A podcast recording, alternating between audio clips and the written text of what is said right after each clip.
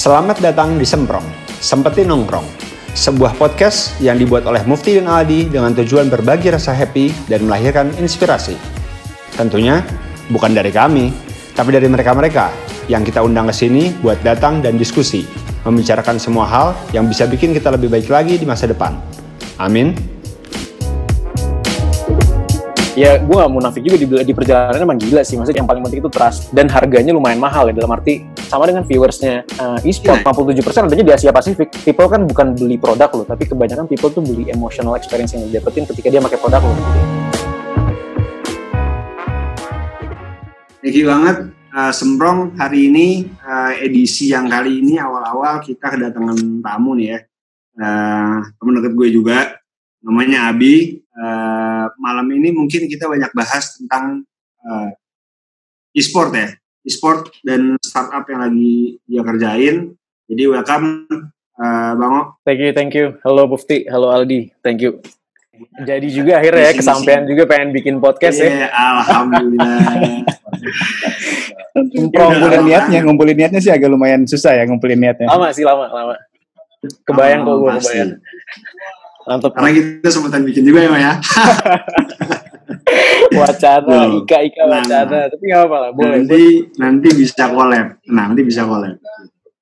Nah, uh, sebenarnya sih gini kok, jarang banget kan orang yang uh, sekarang udah gerak di bidang startup dan konsisten kayak lo dari awal gue kenal lo itu bergerak di bidang olahraga terus uh, sekarang merambah ke e-sport gitu ya. Hmm. Mungkin lo berat ya. Kenapa lo bisa sekonsisten itu gitu? Passion lo di situ atau gimana tuh?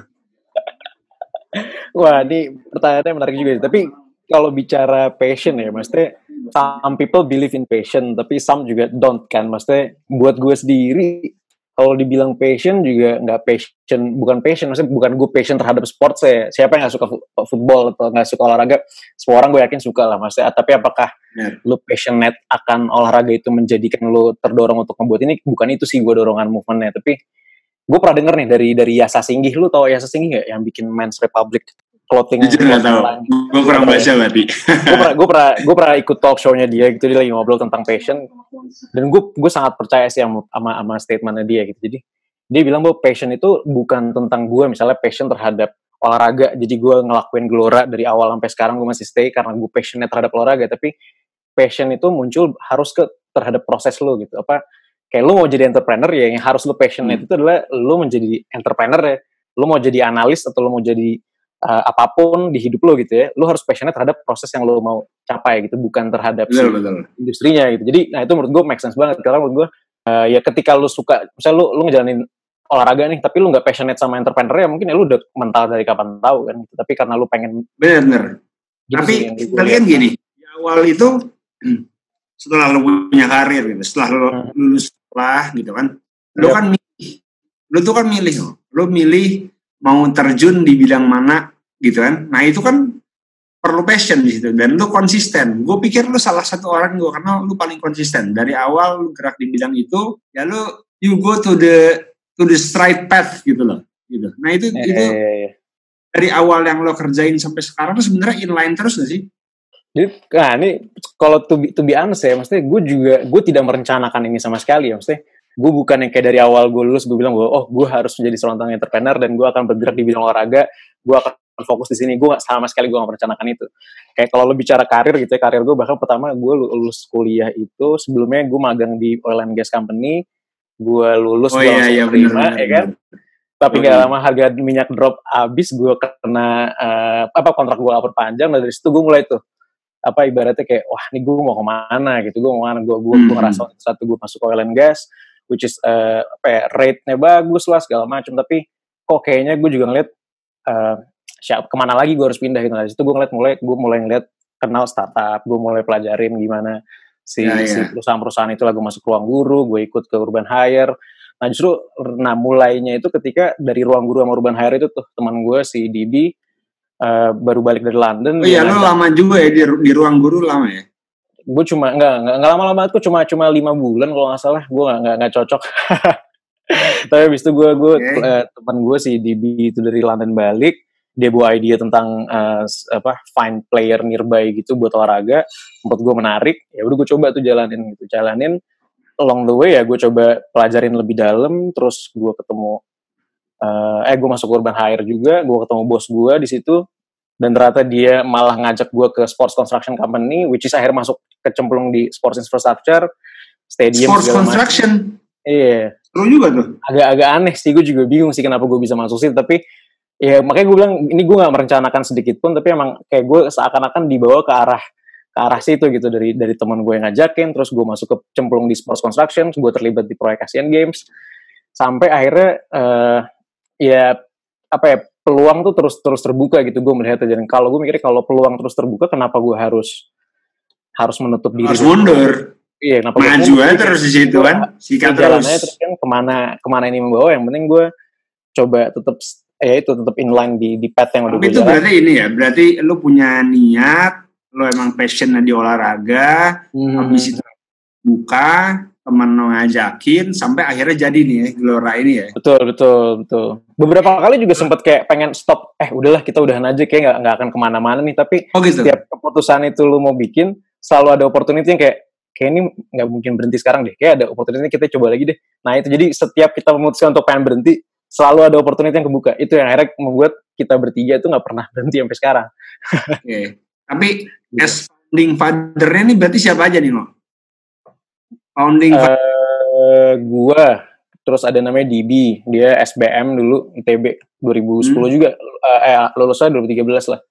Terus dia di Queen Mary, London, S2-nya sama satu lagi Avi temen gue. Nah, dia nih backgroundnya emang IT sih Fasilkom UI, software engineer. Jadi ya oke okay sih menurut gue, maksudnya gue gue sangat berterima kasih juga gitu ya, gue bisa ketemu mereka mereka ini kan menurut gue mereka apa ya top top di bidang-bidangnya juga dan konsisten terhadap sama juga maksudnya konsisten hmm. terhadap ngelakuin hmm. itu sama gitu mimpinya sama visionnya sama jadi ya udah itu yang buat kita bertahan juga sih sampai saat ini ya yeah, yeah, oke okay. nah dulu gue pernah loh kalau lo pernah ingat hmm. mungkin gue uh, bantu modalin teman gue ya bikin kapten iya iya iya bikin eh gue gue tahu tuh nah. ceritanya terus gimana nah, dulu tuh kan di awal tuh uh, mereka bikin berempat gitu ya teman gue deh namanya hmm. Aris Tulus satu lagi satu lagi siapa di Di anjir. Di Taris Tulus satu lagi siapa gue lupa ya? Sama Arar Ayai. Sama oh sama Ayai gitu kan? Iya, nah, ayai. mereka tuh tuh bikin berempat mereka datang ke gue gitu kan? Mm -hmm. sebenarnya konsepnya berarti sama aja kayak startup cuman dia food and beverage gitu kan? Dan mulai yeah, dari bawah. ya yeah, basically benar. Yang gue titipin lah. di awal sama mereka tuh waktu itu karena waktu itu minta duitnya nggak nggak nggak nggak banyak gitu ya. Jadi uh-huh. bagi sebagian orang teman-teman yang mungkin kerjanya uh, udah lumayan settle gitu ya. Uh-huh. bantu gitu kan di situ. Cuman yang gue takutin waktu di awal itu mereka kan teman SMA nih semuanya. Jadi gue worry banget kalau akhirnya gue harus punya teman SMA yang one day mereka berantem cuma gara-gara masalah dulu masalah duit. Hmm sering terjadi ketika gue nonton film-film uh, social network gitu kan. Mark Zuckerberg itu yeah, sama dia, Edward Safrin ya.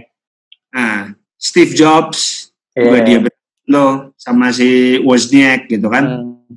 jadi ya walaupun mimpinya kepanjangan sih kalau kita uh, apa namanya kita bandingin sama Facebook sama Apple gitu kan tapi resepnya apa tuh lo lo kan berteman juga tuh Iya, yeah, udah. Gue gue gue gue sama Dibi itu teman SMA, kepisah di kuliah, tapi sama-sama di Bandung sih. Cuma gue gue yang bikin gue deket sama dia tuh gue sama-sama main bola sama dia. Bener-bener football hmm. entusias lah gitu. Nah kalau sama si Avi ini ini lucu juga sih gue ketemu dia itu di acara keluarganya cewek gue waktu itu.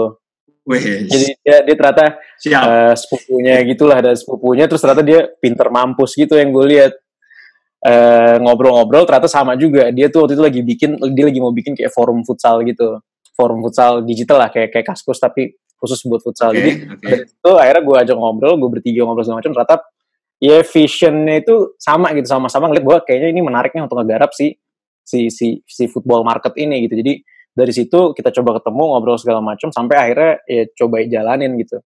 Ya gue gak munafik juga di, di perjalanan emang gila sih. Maksudnya challenge-nya tantangannya ribut-ributnya lah dalam arti maksudnya debat ya debat secara sehat. Pasti ada lah ya. itu kan karena waktu itu juga bertiga gue gue gue di bidan Avi itu masing-masing juga masih masih kerja juga sama orang gitu maksudnya masih masih dalam perusahaan eh status sebagai karyawan juga karyawan di tempat lain Berarti Jadi, waktu ya, kerjain pertama kan, mm-hmm. lu spend waktu di luar kantor dong? Betul, betul. Jadi awalnya tuh di luar kantor lah, tiap ya tiap kan? malam tuh kita biasanya kadang organize game olahraga, komunitas segala macam, nah, dari situ aja kita jalanin. Uh, ya itu karena semuanya part time, terus uh, ya konfliknya ya kayak gitu sih, tapi uh, ya itu sih karena kita masih percaya satu sama trust sih menurut gue yang paling penting itu trust sama lu tahu kapabilitas teman ya. lu gitu. trust dan kapabilitas teman lu masing-masing maksudnya lu tahu lu bisa ngukur bahwa oh uh, si A kayak gini, si B kayak gini, oh berarti gue harus kayak gini. Atau kalau gue yang kayak gini, ya mereka harus bisa ikutin uh, caranya gue segala macam gitu. Jadi saling saling ngerti, saling percaya, sama ya bener-bener usaha di maksimalin aja gitu, maksudnya dimaksimalin gimana caranya kita yeah, bisa survive. Yeah. Gitu sih. Pertanyaan kalau nah, misalnya kan masing-masing kan punya ego ya, gimana sih cara neken egonya gitu? Masing-masing punya ego dan gimana cara neken egonya? Itu itu itu juga masih menjadi pertanyaan gue sih maksudnya dalam arti challenge itu emang selalu ada sih kayak misalnya terutama nih kayak di masa-masa krusial gini gitu ya di masa-masa pivot lah kita bisa bilang ini masa pivot Gelora yeah. dari yang sport mungkin nanti kita bakal dibahas lebih detail kali ya di di, di sports ke e-sports ini tapi hmm. biasanya tuh ketika momen-momen krusial ini ya ego tuh muncul gitu ketika lu ada apalagi lu punya rasa misalnya eh, emosional terhadap produk lu atau emosional terhadap apa yang lu lakuin hmm. ya itu pasti itu pasti ada ada friksinya gitu maksud gue kayak yang satu sepakat uh, untuk melakukan A misalnya tapi dua nggak setuju. Atau yang dua apa uh, oke gitu deh dari tiga itu. Nah tapi penting juga tuh tiga orang karena kalau emang sebenarnya kalau tiga orang itu kan ketika lo harus diputuskan eh, lo harus memutuskan sesuatu uh, ketika dua lawan ganjil satu ya. ya ganjil ya. gitu. Mas gue pasti menang. make juga sih ganjil ya, ya, itu ya, yang paling penting sih. Jadi kalau lo berdua mungkin lebih repot tapi karena kita tiga orang dan ya kalau lagi buntu ya kita berhenti. Kalau lagi buntu uh, tunda dulu gitu tunda dulu. Nanti biasanya pas ditunda momen itu nah itu kita masing-masing mikir lagi tuh Tolong gue mikir dulu, oh ya, ya kan? bener juga ya dia bilang gitu berarti kan. balik lagi dengan kondisi yang kaya lagi ya? Ah benar kayak berantem aja cewek berarti mah ya ya pokoknya diem dulu nanti ngomong lagi gimana nih oh ya gue setuju nih sama uh, lo gitu tapi tetap ya gue maunya ini gini ya. Itu akhirnya ada kompromi lah akhirnya ujung-ujung kita akan ada titik titik tengahnya gitu sih gimana cara kita bisa ngekompromi semua semua yang kita pikirin itu. Ya berarti emang kalau bikin organisasi di level levelnya itu hmm. ganjil itu penting gitu kan buat gue sih penting sih. Karena kalau dua egonya sama kuat susah banget. Benar. Benar benar. Tapi sekarang sih ngom. Sekarang nih ngom. Lu lebih banyak in charge ke mana ya? Kan dari bertiga itu pasti banyak pergerakannya nih masing-masing. Lu lebih banyak in charge ke mana Nah, waktu kemarin ya, before pandemi itu gue kan di operations ya. Gue gue karena gue sempat ngambil background operations juga, emang gue di plottingnya di situ. Dari awal gue pengennya coba emang day to day. Uh, oh iya, bangun nih master, maestro dari UI. Aduh, lebay bro. Alhamdulillah deh.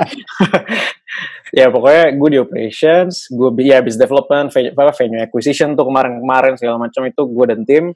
Sampai akhirnya pivot ke e-sports ini nah ini challenge juga buat gue karena gue nggak karena operational yang sebelumnya kan day to day tuh gini. Misalnya lo ngorgan apa lo punya venue booking management gitu kan. Maksudnya uh, lo berkaitan sama venue ada booking pemesanan ada misalnya ada trouble bookings kah? Atau misalnya ada bookings emang hmm. completed segala macam lo cek. Atau misalnya activity organizer jadi ketika lo emang organize game itu kan ada heavy operation saya maksudnya lo harus make sure semua orang itu datang lo harus make sure semua dapat kebagian waktu main segala macam itu kan. Itu masih ngerjain sendiri tuh kayak gitu? Itu masih ada masih masih. Nah itu kemarin tuh masih kayak gitulah. Sebelum sebelum kita pandemi itu kita masih melakukan itu semua. Dan dan begitu kita pandemi itu kan tiba-tiba shutdown semua harus nggak boleh ada kontak kan artinya nggak akan ada nggak ada operational activity sama sekali gitu nah ketika nggak ada PSBB cuy betul PSBB tuh ya efek banget sih buat apalagi industri olahraga ya kalau gue lihat ya liga ah, gede sih. aja mati gimana gua game-game komunitas atau game-game sifatnya game-game yeah. lokal ya, gitu game kan. lokal ya. Lokal game lokal kan mati juga gitu. Jadi Nah itu challenge juga buat gue karena tiba-tiba yang biasanya lumayan sibuk gitu kan tiba-tiba operation saya total nggak ada aktivitas sekali kayak gue mau ngapain karena karena nggak ada nggak ada sama sekali kan nggak ada aktivitas sama sekali. Nah di situlah berpikir kayak ayo kita coba cari cara beberapa ini bisa bikin game-game digital. Belum jauhan. hmm. Mungkin gue cut dulu. Mungkin takutnya yang dengerin kita sekarang nih mungkin agak bingung. Oke.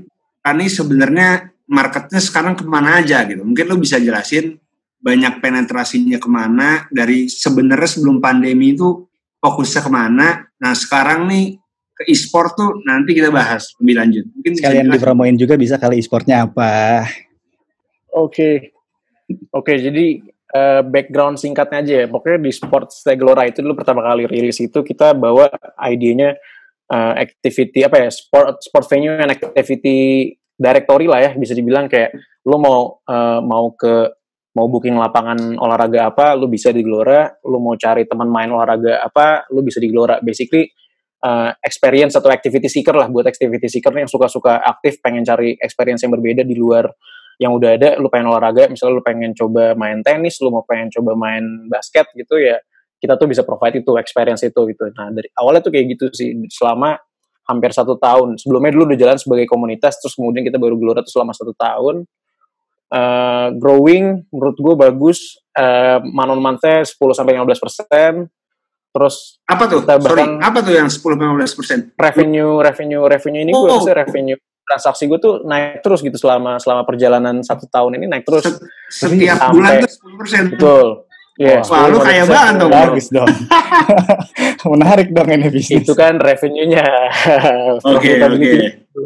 Tapi ya gitu lah. Nanti kita bahas di sesi berikutnya. Berjalan satu tahun sampai akhirnya kita berani untuk ngedesain untuk itu kita mau coba rilis produk baru gitu ya. Kita mau coba rilis app untuk community. Artinya nggak cuma diorganize by Gelora, tapi siapa pun yang punya community atau punya sports group lah itu bisa lu juga bisa bisa create activity di tempat itu gitu. Expectationnya waktu itu kita April atau Mei itu kita rilis gitu. Sebelum Lebaran atau setelah Lebaran kita bakal rilis aplikasi. 2020 ini kan? Iya 2020 ini betul.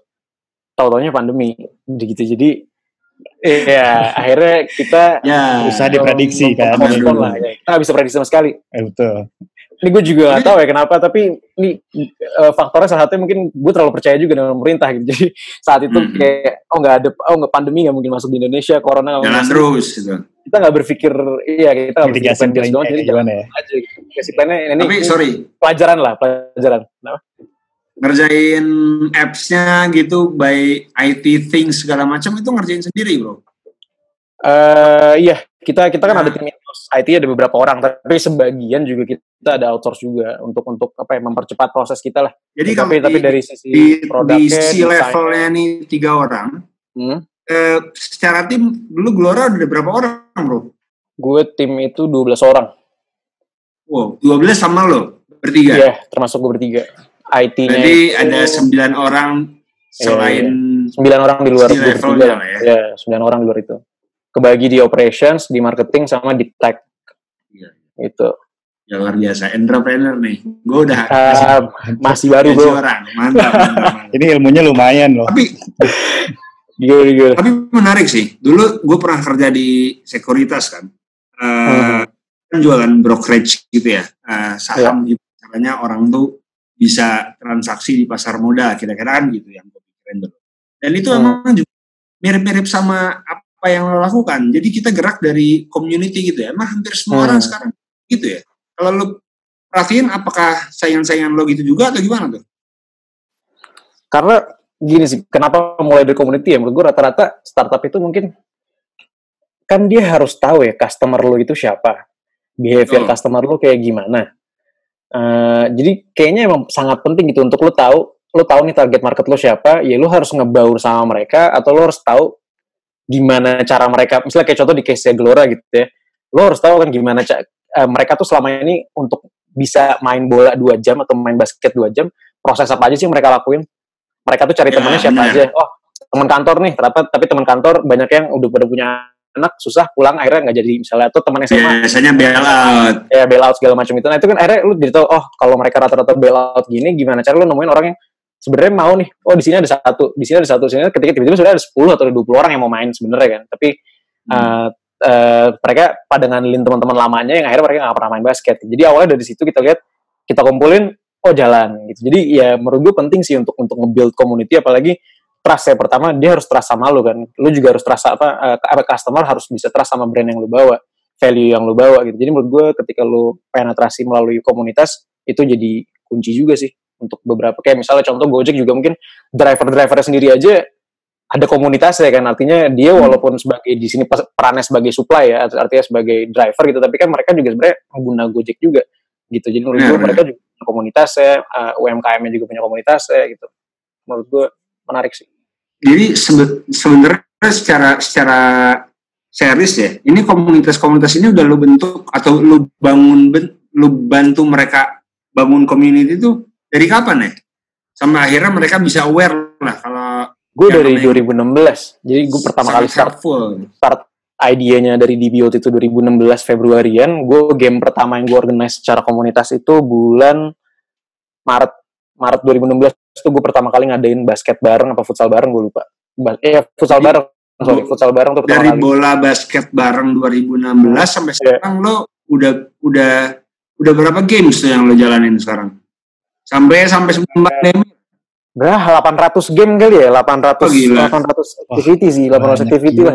Eh, sorry, 800 itu yang di Gelora ya. Mas gue kalau gue tambahin nama yang di teammates mungkin udah hmm. seribu lebih kali seribu oh itu cikal bakalnya ya, ya. ya, tapi delapan ratus tuh gila loh karena gue pikir gini aja kalau game-game orang yang main bolanya itu uh, seminggu sekali hmm.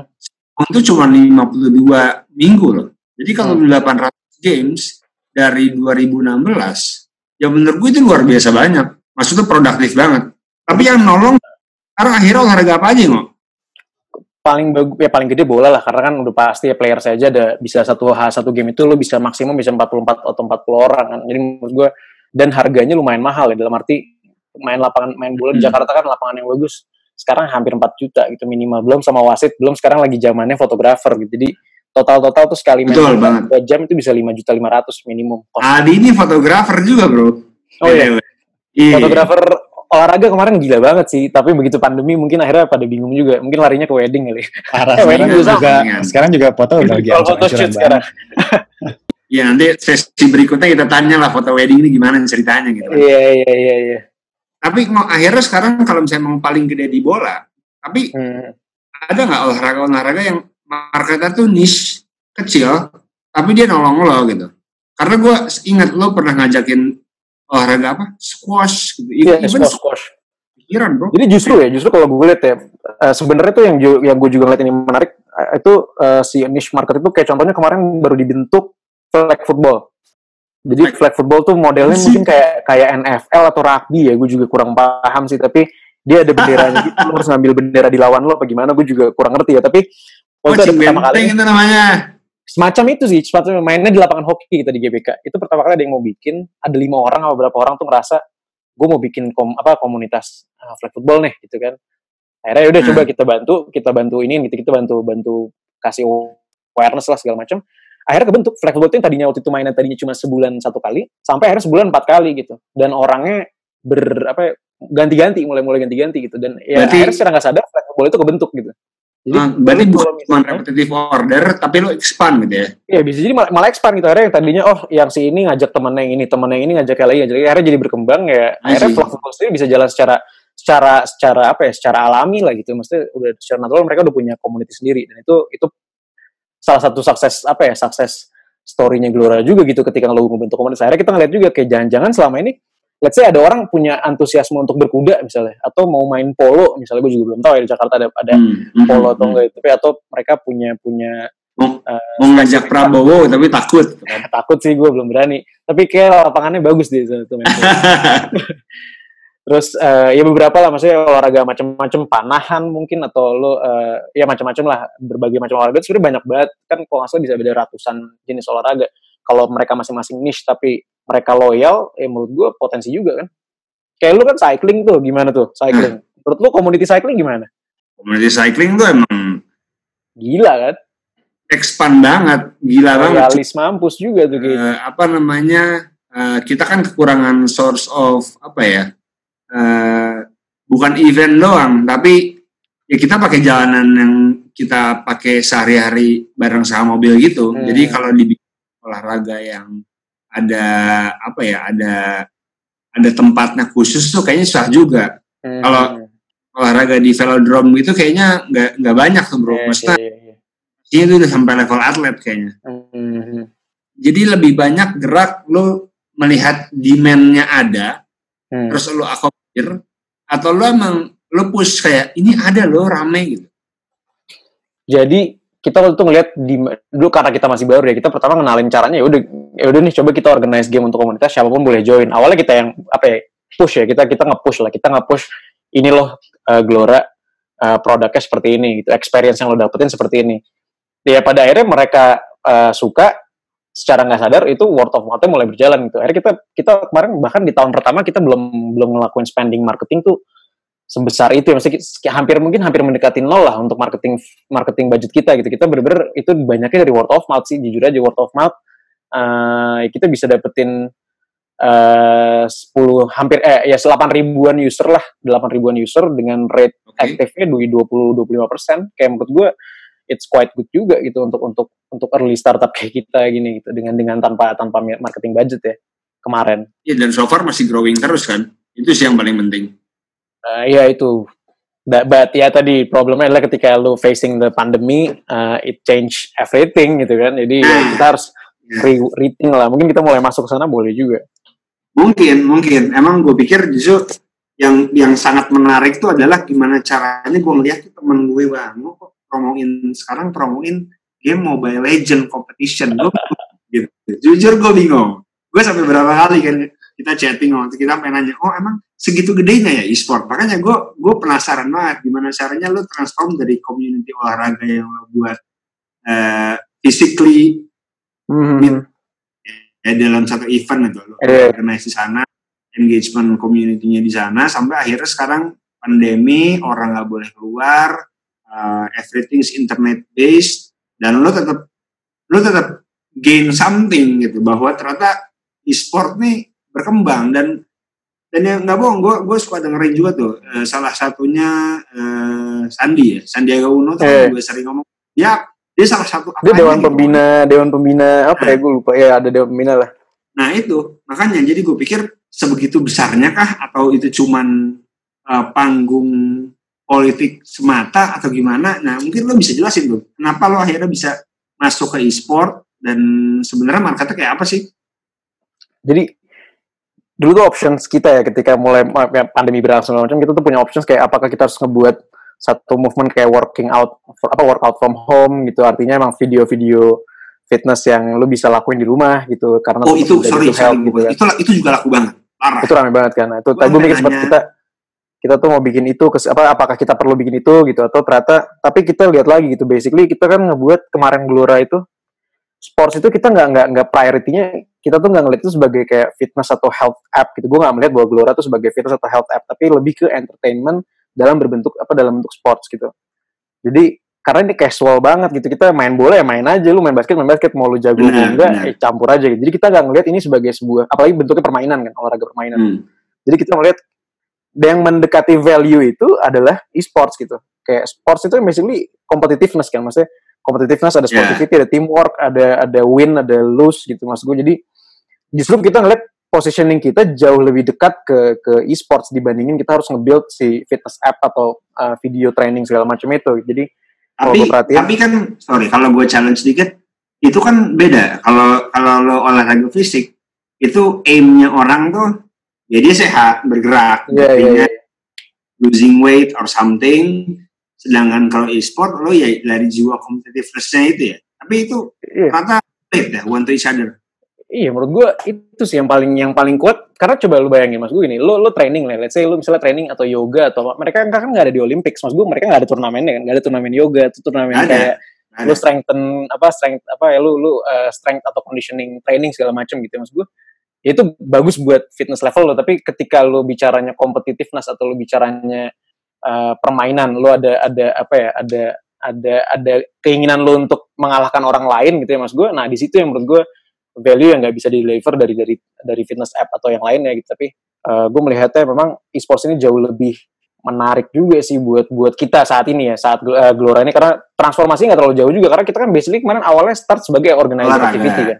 Ya yeah. organizer olahraga activity lah kemarin. Walaupun kita hmm. mau coba move untuk yang organize bukan kita doang tapi komunitas lain. Tapi begitu masuk ke masuk ke e-sports juga sama. Kita berangkat kemarin juga start awalnya kita organizing turnamen waktu itu kita organizing hmm. turnamen secara online kita berhasil waktu itu dapat 32 tim eh 33 tim sorry turnamen pertama kita nih 33 tim 187 Mobile Legend ya Mobile Legend Mobile Legend jadi sebenarnya yang lo fulfill itu dibanding sekarang gitu ya sekarang dibanding hmm. fitness soalnya itu lebih ke arah apa ya eagerness orang buat berkompetisi kali gitu ya. Betul, betul, betul, betul. Karena karena orang itu sih, buat menang gitu.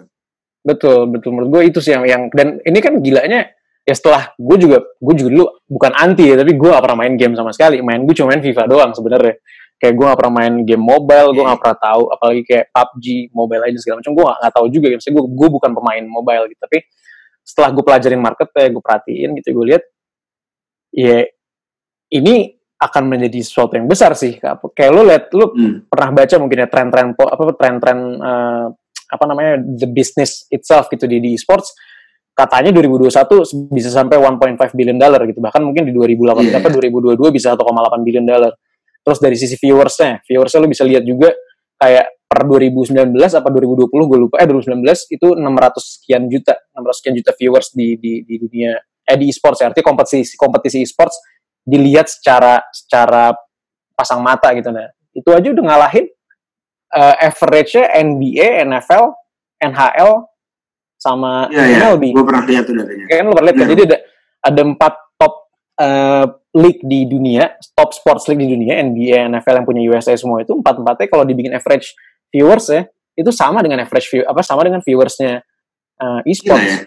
Jadi uh, ya itu makanya kenapa mungkin sponsorships atau apa pun melihat bahwa pasang mata itu udah nggak cuma hanya di physical physical activities hmm. gitu, tapi uh, si gaming ini ada bisa menarik 100 sekian juta audiens mata gitu maksud gue.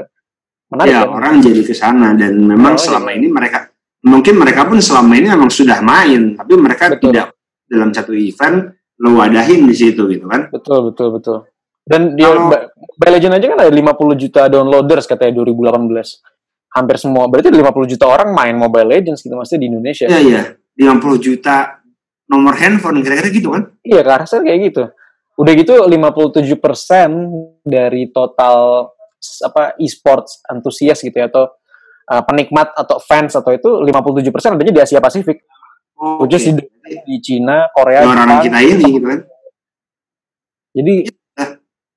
Gila sih, kayaknya gila sih. Kalau gue perhatiin ini makanya gue bilang kayak wah ini menarik juga, gede juga dan bisnis modelnya akhirnya banyak juga sih banyak. Ya, jadi e-sportnya sebenarnya udah nggak bisa dibilang niche ya, cuman memang mungkin masih segmented aja sama orang yang segmented, segmented. Tapi banyak banget sebenarnya populasi orang main game gitu kan. Banyak banget. Dan range umurnya bener-bener jauh loh dari ada yang ibaratnya mungkin SMP kali ya atau SMA sampai ke bapak-bapak 40 50 juga mungkin masih ada yang main game. Jadi benar, benar banget.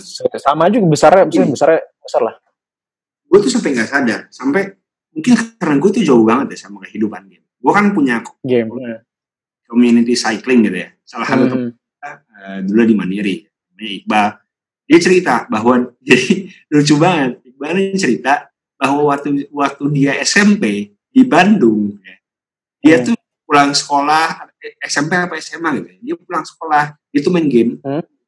dia berkompetisi itu dulu gamenya macam-macam hmm. lah dari mulai balap sampai CS sampai apa gitu ya dulu Counter Strike itu sampai dia tuh ada rankingnya di satu di satu warnet gitu yang sampai dia datang bayar. Zaman itu, dia hari ini umurnya mungkin ya, di atas gue lah, 30 something gitu ya.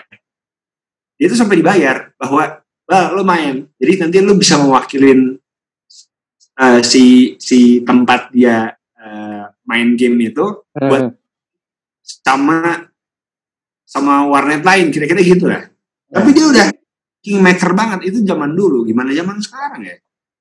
Dan orang gini sekarang sih kalau dari yang gue baca gitu, dari yang gue cari tahu juga, orang tuh melihat kecenderungan untuk jadi e-sports player ya, e-sports professional player itu jauh lebih achievable buat mereka nih anak-anak sekarang nih dibandingin dia hmm. jadi atlet uh, olahraga fisikal. Oh, iya, dibanding gue jadi main bola, kayaknya gue lebih lebih bukan lebih muda ya, gue gak bisa bilang lebih muda juga yeah. karena menurut gue juga komitmennya lebih tinggi lah. Tapi gue uh, even punya temen loh yang anaknya tuh cita-citanya youtuber. Ya itu. Yeah ya itu the world is moving sih menurut gue jadi kayak semua orang lu, lu anak-anak kecil pengennya anak kecil sekarang gue gak tahu hmm. deh masih ada gak sih yang bakal nonton AC Milan atau yang bakal nonton uh, oh, gue gak ngerti deh nah, gue juga belum tapi yang jelas anak-anak kecil itu pasti kalau punya PS dia main FIFA main PES yeah. probably dan orang tua banyak loh orang tua banyak loh yang bertanya uh, uh, gimana cara gue bisa eh cara anak gue bisa jadi e-sports player gitu uh, Oh iya, banyak. Iya, banyak. Oke juga. Maksud gue berarti dia membiarkan enggak probably probably mungkin di di rumah anaknya ngomong, "Nah, gue saya mau jadi ini dong, main game gitu kayak ini ini ini gitu kan." Mungkin di Indonesia breakthrough-nya di Just No Limit kali ya. Waktu itu tiba-tiba ada YouTuber gaming kan si Just No Limit tiba-tiba kayak huh? boom dia luar biasa walaupun sekarang mungkin dia udah nggak terlalu aktif kali ya buat main di kompetitif apa kompetitif level gitu tapi uh, ya mungkin gue itu salah satu faktor utama juga tuh Just No Limit tuh karena dia termasuk pionir-pionir di, di di Indonesia juga buat e-sports player. Nah, emang sebenarnya kalau misalnya sebagai satu platform gitu ya yang sekarang banyak yeah. gerak di e-sport gitu ya, ya dari masa pandemi ataupun sebelumnya saingan lo siapa ya? Kalau e-sports ini di Indonesia banyaknya tuh gini kalau kalau lu bicara organizer itu banyak banget even kayak brand-brand Telkomsel atau misalnya uh, apa pun lah brand rokok segala macam juga mereka bikin hmm. aja organizing organizing event hmm. banyak banget menurut gue jadi kalau lu bicaranya organizer pemainnya banyak tapi kalau lu bicaranya uh, tim player mungkin nggak sebanyak itu tapi tetap aja banyak tim apa bukan tim player misalnya tim lo tim manajemen lo lo lo punya tim lo ngebangun uh, profesional oh, iya, iya. atau misalnya kayak Onyx atau yang lain itu itu juga oh, ada jadi sorry sorry kalau lo tuh berarti kayak lu bisa seleksi gitu. Ini pemain-pemain yang nah, jago tim gitu. Gue mencoba mencoba cari angle yang berbeda kan untuk masuk ke ini kan harus punya uniqueness lah. Artinya lu mau coba. Nah, value apa? Gitu. Value apa gitu kan. Nah, kalau dari dari kita ya dari Gloran yang kita perhatiin dan ini sebenarnya ini juga mau kita jalanin waktu itu di di casual sport gitu. Tapi ketika lihat di sports ini kelihatan lebih lebih bukan lebih mudah ya, tapi penetrasinya sepertinya bisa lebih lebih cepat gitu karena karena e-sports ini kan ketika lu main gaming datanya clear kan. Maksud gue data nah. record itu data misalnya let's say Mobile Legend deh lu kills lu sekian lu death lu sekian assist lu sekian lu dapat segala macam maksudnya statistik kali itu terukur gitu terukur clear banget performance yeah. lu terukur gitu kan ya kita melihat ada peluang gitu kalau gimana caranya gimana kalau kita nggak cuma nge-organize atau kita nggak cuma partnering dengan orang tapi kita bisa nge-create insights atau strategical point of view dari based on ya data analysis yang kita punya gitu jadi menurut gue oh keren banget Berarti itu, itu menarik sih ya. Jadi semua orang main, lu statistiknya keluar, lu olah, lu olah, lu lihat lah kira-kira. Betul, betul. To make a good team from these players gitu ya. Betul. Opta lah, Opta, Opta tapi e-sports. Asik gak sih? Oke, oke, oke. Gue gak kepikiran udah kalau ternyata lu gerak di situ juga. Oke, okay, bro. Oke, okay. tapi ya uh, peluangnya peluangnya ada dan dan kelihatannya ya siapa pun pasti apalagi ya tadi ya balik lagi ke competitiveness level ya kalau lu semakin pengen lu berkompetisi ya lu bakal cari cara advantage apa pun akan lu manfaatin kan gimana caranya hmm. gue bisa dapat advantage dari yang lawan jadi termasuk data analytics gitu ya benar berarti emang ada yang ngerjain buat hal itu kan betul betul uh, mungkin terlepas dari segala hal yang udah dikerjain gitu ya hmm. kerjain semua hal ini kan lu butuh duit bro iya iya iya, iya. maksudnya nih kalau kita ngomongin startup nih, wah ini burning money segala macam, even kayak iya benar-benar masih banyak banget tuh gosip, wah ini kalau Gojek nih masih gini, ini masih gini gitu. Nah, buat yang baru kayak lo nih gimana ya? Ini nih uh, apa ya? Uh, ya cash flow tuh dari mana gitu? Dan gimana cara lo manage ya so far? Jadi kalau kalau kita ini kan kemarin ya eh, biasa prosesnya itu kan angel round, fund, ya kita fundraising lah. Kita basically kita fundraising kita kita kita ajuin uh, ya the, the, the business plan gitu kan. Kita ajuin juga hmm. pro, apa bisnis modelnya seperti apa lu ambil profitnya dari mana nantinya in the long run segala macam. Jadi ya kita sih by kemarin ini kita baru di level kemarin angel round. Angel round kita kemarin kita saat ini lagi lagi proses mau masuk ke seed funding lah ya hmm. ya kalau lu tanya dari mana ya masih dari situ gitu. Kita megang eh menghasilkan revenue menghasilkan revenue apalagi kemarin ya. Misalnya kita menghasilkan revenue tapi emang bicara profitability atau mungkin uh, sebagian masih melihat bahwa as long as you can grow faster gitu kan ya buat mereka nggak masalah. Tapi tetap bisnis model itu penting. Jadi kalau lu punya ide startup segala macam tapi lu nggak bisa nggak tahu cara lu nge-generate money-nya dari mana ya, ya investor mana pun juga mungkin nggak akan mau invest lo gitu. jadi jadi tetaplah bisnis model itu penting tapi mungkin selama lu punya oh lu punya bisnis model lu tak bisnis model ketahuan tapi lu masih kecil nih ya mereka pasti nggak akan masalah. Ya udah burning money segala macam mungkin paham tapi kan lu tahu gimana cara lu creating money-nya gitu pada pada in, apa in long run lah.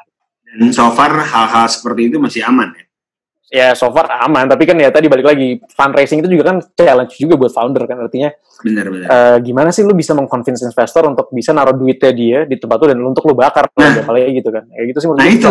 luar biasa besar. Nah, nah, nah, nah itu itu. Itu gimana tuh caranya?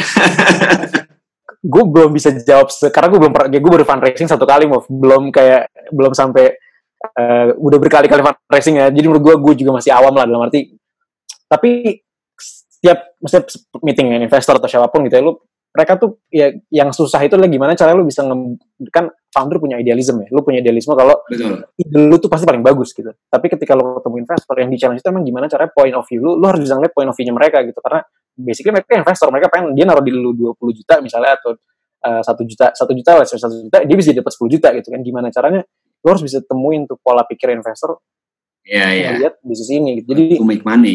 How to make money itu yang menurut gue paling paling penting sih. Dan gimana cara lu sama satu lagi sih, story.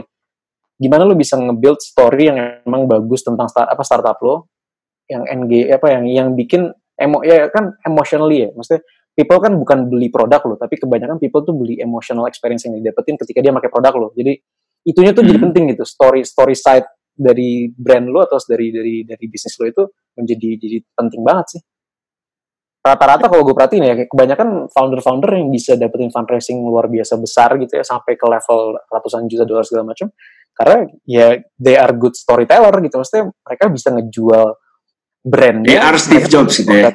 ya kayak Steve Jobs deh. Itu kan gimana caranya dia bisa ngejual? Maksudnya ya, ya, gimana ya. caranya dia bisa ngejual kayak gitu ya? Ya semua storyteller kan. Jadi storyteller tuh menurut gue paling penting buat founders ya. Founders harus bisa storyteller.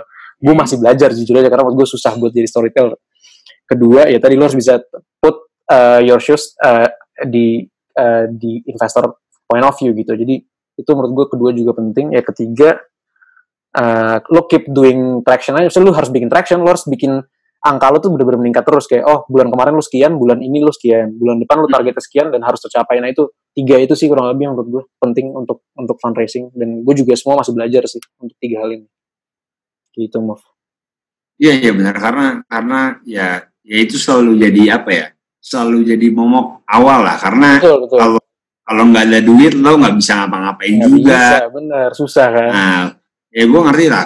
Itu itu itu pasti lah mau orang usaha apa aja itu pasti kayak gitu, gitu. Hmm. tapi lo ke depannya maintenance tuh gimana ya? Mereka tuh maksud gue kalau di di corporate mereka memposisikan dirinya as a commissioner or a steering committee or something gitu. Gimana ya tergantung sih. Jadi kayak beberapa ada mungkin yang mau investor ada yang mau masuk bener-bener masuk ke jajaran board misalnya. Bener-bener apa hmm. director bahkan atau misalnya masuk ke board atau dia bisa jadi komisioner atau bisa jadi angle mungkin dia sebagai advisory juga.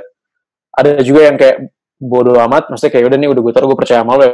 Lo running aja yang penting lo bisa report ke gue tiap bulan misalnya gitu. Jadi tergantung sih tergantung investor juga seberapa dia ngerti bisnis lo. Ya lebih bagus kayak gitu. Ketika lo misalnya let's say gue kemarin main di industri olahraga akan sangat mudah buat gue untuk mendapatkan investor yang suka olahraga karena dia ngerti bisnis modelnya, maksudnya dia dia bisa dia ngerti dan dia punya network kayak gitu. Jadi menurut gue ya, dia, dia, investor, dia, dia, ada emosinya lah ke situ. Benar, itu itu lebih bagus karena daripada lu dapat mereka tuh kalau di startup disebutnya kayak dump money gitu ya atau misalnya kayak uang uang bodoh, maksudnya kayak lu dikasih duit tapi dia tuh bener-bener lepas ya, bodoh amat. Ya bodoh amat tuh jalanin aja. Itu juga nggak nggak bagus juga buat startup. Jadi lu harus cari yang emang dapet insight berkembang ya benar lo ada insan berkembang atau ya itulah jadi ya emang jodoh sih investor sama startup tuh juga emang kayak jodoh jadi hmm. ya lo harus nemu mana yang sampai berberklik ya mungkin lo bisa bisa survive dan bisa bisa bagus gitu growthnya Iya, iya, iya. Jodoh emang susah ya, Maya. Susah sih emang. Loh, tapi kan harus, kalau diusahakan kan wajib. Oh, wajib, wajib. Rezeki juga itu, harus dikejar. iya, benar. Setuju gue. Adi ketawa aja nih. Dasar. Udah udah dapet dia. Udah dapet. udah dapet jodohnya. eh, tapi uh, selain yang e-sport lo lakuin kok dan hmm. uh, dan dan hal-hal yang hambat sama pandemi. Yang tadi gue lupa nanyain itu satu. Soal ini, uh, apa namanya sepak bola anak gitu. Apa ya? Oh, iya. lo, lo, kalau nggak salah, Gelora tuh melakukan sesuatu tuh sama sepak bola anak. Gimana tuh? Oh gue ini gue gue ada SSB gue gue punya SSB juga uh, bareng sama apa ex bos gue dulu lah gue bikin SSB oh ini nggak terkait sama ini? Enggak, nggak beda beda sama, sama Gelora beda. Tapi beberapa kali gue jodoh-jodohin juga dalam arti sebenarnya kan saling saling apa ya bisa biasanya ada industri yang sama dan ini bentuknya saling komplement gitu. Jadi gue biasa gue pakai Glora sebagai venue provider gue sih. Jadi gue gue ngambil gue jadi oh, ngembang oh, bisnisnya juga sebenarnya kayak gitu. Tapi ini, nah, juga sama nih SSB kena pandemi juga efek juga. Oh iya pastilah. Orang nggak boleh main bola kecuali di hmm. uh, maksud gue ini bukan doing as a charity or something enggak ya? Enggak ini ini juga uh, kita targetingnya profitability juga sih bisnis juga. Kalau gue bilang ya potensinya gede akademi itu gede tapi ternyata gue kira bukan mudah gue kira um, ya gue kira gampang lah gitu. Tapi ternyata pas gue jalanin gue nyebur ke ke ke dunia kompleksitasnya si akademi ini ternyata lumayan juga gitu maksudnya nggak semudah itu parents juga kan hmm. sama ya maksudnya parents tuh daya beli parents tuh beda-beda banget jauh macam-macam lah apalagi di sepak bola gitu kan ya bisa dibilang sepak bola itu olahraga rakyat gitu. Gimana cara lo mau ngedeliver suatu suatu value apalagi di lokasi yang bagus sedangkan lokasi itu harga sewanya mahal, pelatih top juga mahal misalnya. Yeah. Ya lu lu punya misalnya oh gue kemarin sempat ngitung misalnya di price range yang gue setup itu sekian. Ternyata saat gue rilis price gue sekian, oh step back tuh orang banyak yang mundur gitu. Terus gue ngeliat kayak oh ternyata karena kemahalan. Karena kemahalan gitu. Jadi kemahalan. Padahal gue udah ngeliat sama kompetitor yang gue lihat, gitu. Maksudnya gue ngeliat kompetitor yang udah ada, harga gue masih di bawah gitu masih di bawah sebenarnya tapi masih masuk market Iya tapi tapi kenapa mereka mundur nih oh berarti mas gue ya berarti di situ lo lihat di bawah emang bener sepak bola tuh bener-bener umum ya ya lo harus bisa dapat lah maksudnya lo harus bisa cocokin uh, market segmentasi lo tuh di mana siapa ya pricing lo harus bisa ngikutin dan tapi tetap lo nggak boleh kompromi sama value yang mau lo deliver sih menurut gue gitu terus ya ada orang tua juga macam-macam ada yang suka anaknya cuma yang penting anak gue latihan deh tiap minggu ada kegiatan ya, ada juga ya anak gue harus kompetitif nih, harus ikut turnamen. Kalau nah, masuk turnamen itu tim parah. Nah itu ada juga. Yang gitu. yang gue kenal tuh ada juga yang kayak gitu tuh bro. Maksud gue eh, nggak uh, sedikit ternyata orang tua yang sangat kompetitif dan pengen uh, anaknya tuh juara lah di berbagai hal gitu kan, terutama sepak bola. Hmm. Dan hmm. kayak dan maksud gue gue nggak tahu ya. Uh, sepak bola kan memang bener olahraga rakyat. Cuman hmm. di ketika lo masuk sama sekolah-sekolah yang uh, kategorinya international school gitu ya mungkin mungkin ini ya mungkin itu menjadi lebih serius ya kompetisinya itu betul masih. betul nah justru emang kemarin juga kemarin SSB yang gue ikutan ini kan sebenarnya udah jalan hampir hampir tujuh tahun sih sebenarnya. Dari dulunya udah ada gitu. Dan emang segmen utamanya memang sekolah sekolah internasional sebenarnya. Segmen utama ya maksudnya dari yang gue lihat sampai bisa bertahan sampai saat ini tuh memang masuk ke sekolah-sekolah yang levelnya mungkin ya internasional atau semi internasional sekolahnya. Emang emang mereka tuh consider sports itu yang benar-benar sebagai apa ya sebagai padahal, ajang buat anak-anak mereka benar-benar tumbuh jadi iya. ini aja. padahal di sini uh, kalau sepak bola kita berkembangnya dari tarkam bro biasanya bro. Dari yang sekolah dari yang main bola. ya, itu challenge kan sebenarnya challenge buat buat challenge iya, di iya. tapi banyak juga loh dari anak-anak SSB yang mereka akhirnya bagus banget di SSB ya tapi karena pembinaannya ada keputus ya di jalan tengah itu mungkin di tengah-tengah itu mereka hmm. keputus ya ujung-ujungnya anak yang jago oh, di SMP SM, itu ya gak jadi. Panjang sih panjang. Itu jadi topik beda sebenarnya kalau kalau ngomongin olahraganya udah sampai putus di tengah-tengah gitu bro. Seperti yang kemarin dia bilang tikusnya setengah kementerian Wah, eh, ngeri banget, ngeri banget. Susah kan? Emang challenge, tapi itu jadi challenge banget sih sebenarnya, challenge banget buat buat kita ya. Apalagi terutama sih buat gue dan Gelora atau Raga Negeri misalnya yang gue lagi jalanin sekarang. Ya tantangan sih. Kayak harus di itu orang harus orang kalau penasaran bisa ngecek di mana? Kalau Gelora lo bisa visit gelora.id atau esports.gelora.id juga bisa untuk cek yang esportsnya. Ada ya kalau, di, di uh, platform ada tuh ya? Ada itu itu web base masih sih masih di website karena ya kita kemarin gak jadi rilis jadi ya udah. iya tuh. Tapi efek pandemi ini untuk untuk untuk masukku gini kan. Katakanlah uh, setengah bisnis lo tuh kemarin jadi harus down karena hmm. mobility orang berkurang, yeah. Gini segala macam. Terus lo masuk ke e-sport segala macam, hmm. kayak uh, revenue-nya kayak apa. Hmm.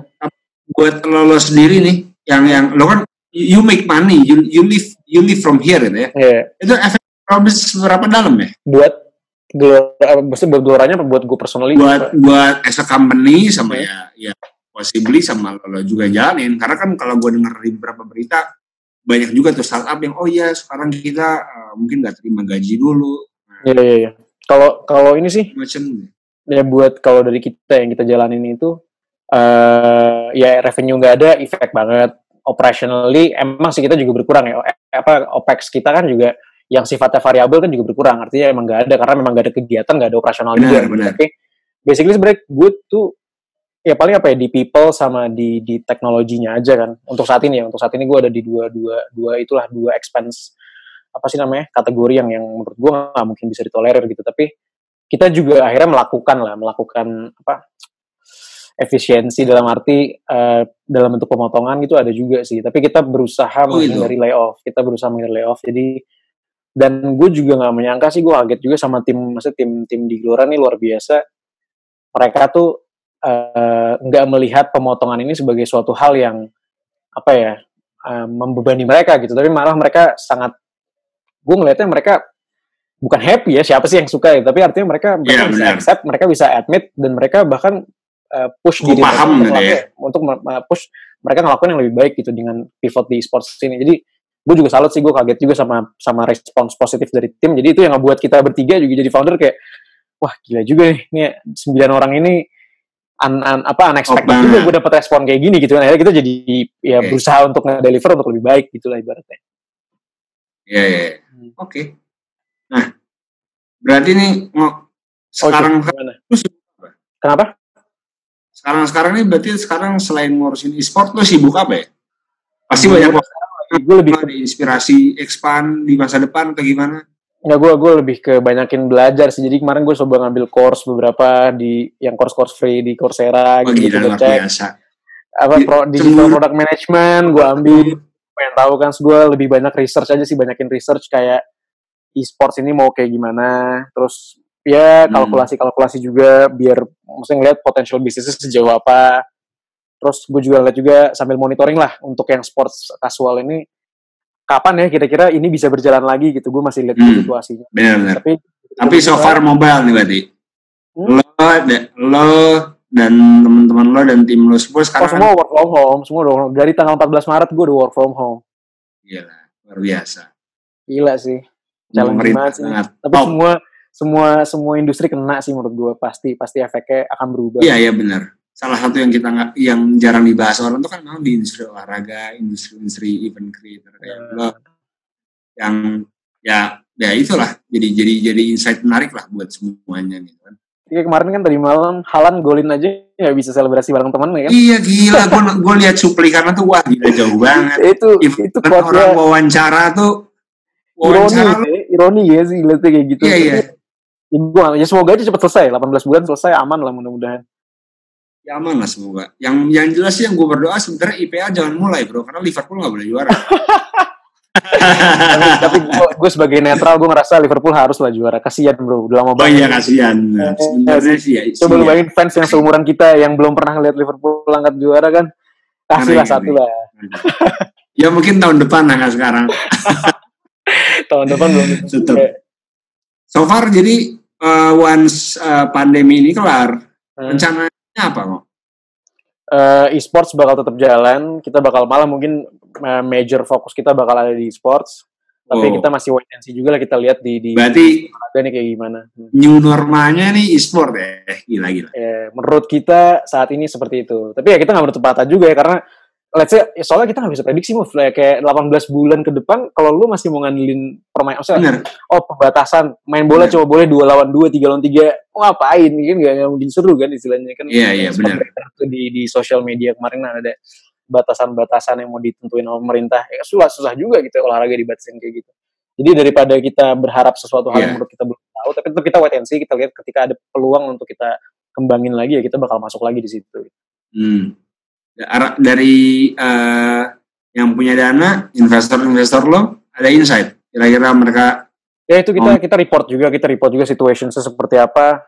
Dan overall sih semuanya responsnya positif ya. Artinya uh, mereka mengapresiasi dalam arti uh, lu tuh nggak stop gitu lu nggak lu nggak nggak stagnan tapi lu berusaha agile lu berusaha menghadapi situasi uncertainty ini dengan dengan solusi gitu dengan lu ngebawa hal yang baru challenging karena itu it's a different game nanti different market juga tapi bukan suatu hal yang nggak mungkin ini bisa berjalan beriringan walaupun tetap lo harus start dengan salah satunya jadi mereka sih sifatnya support nah, dan nah. ya kita lihat lah mudah-mudahan ada penambahan Amin.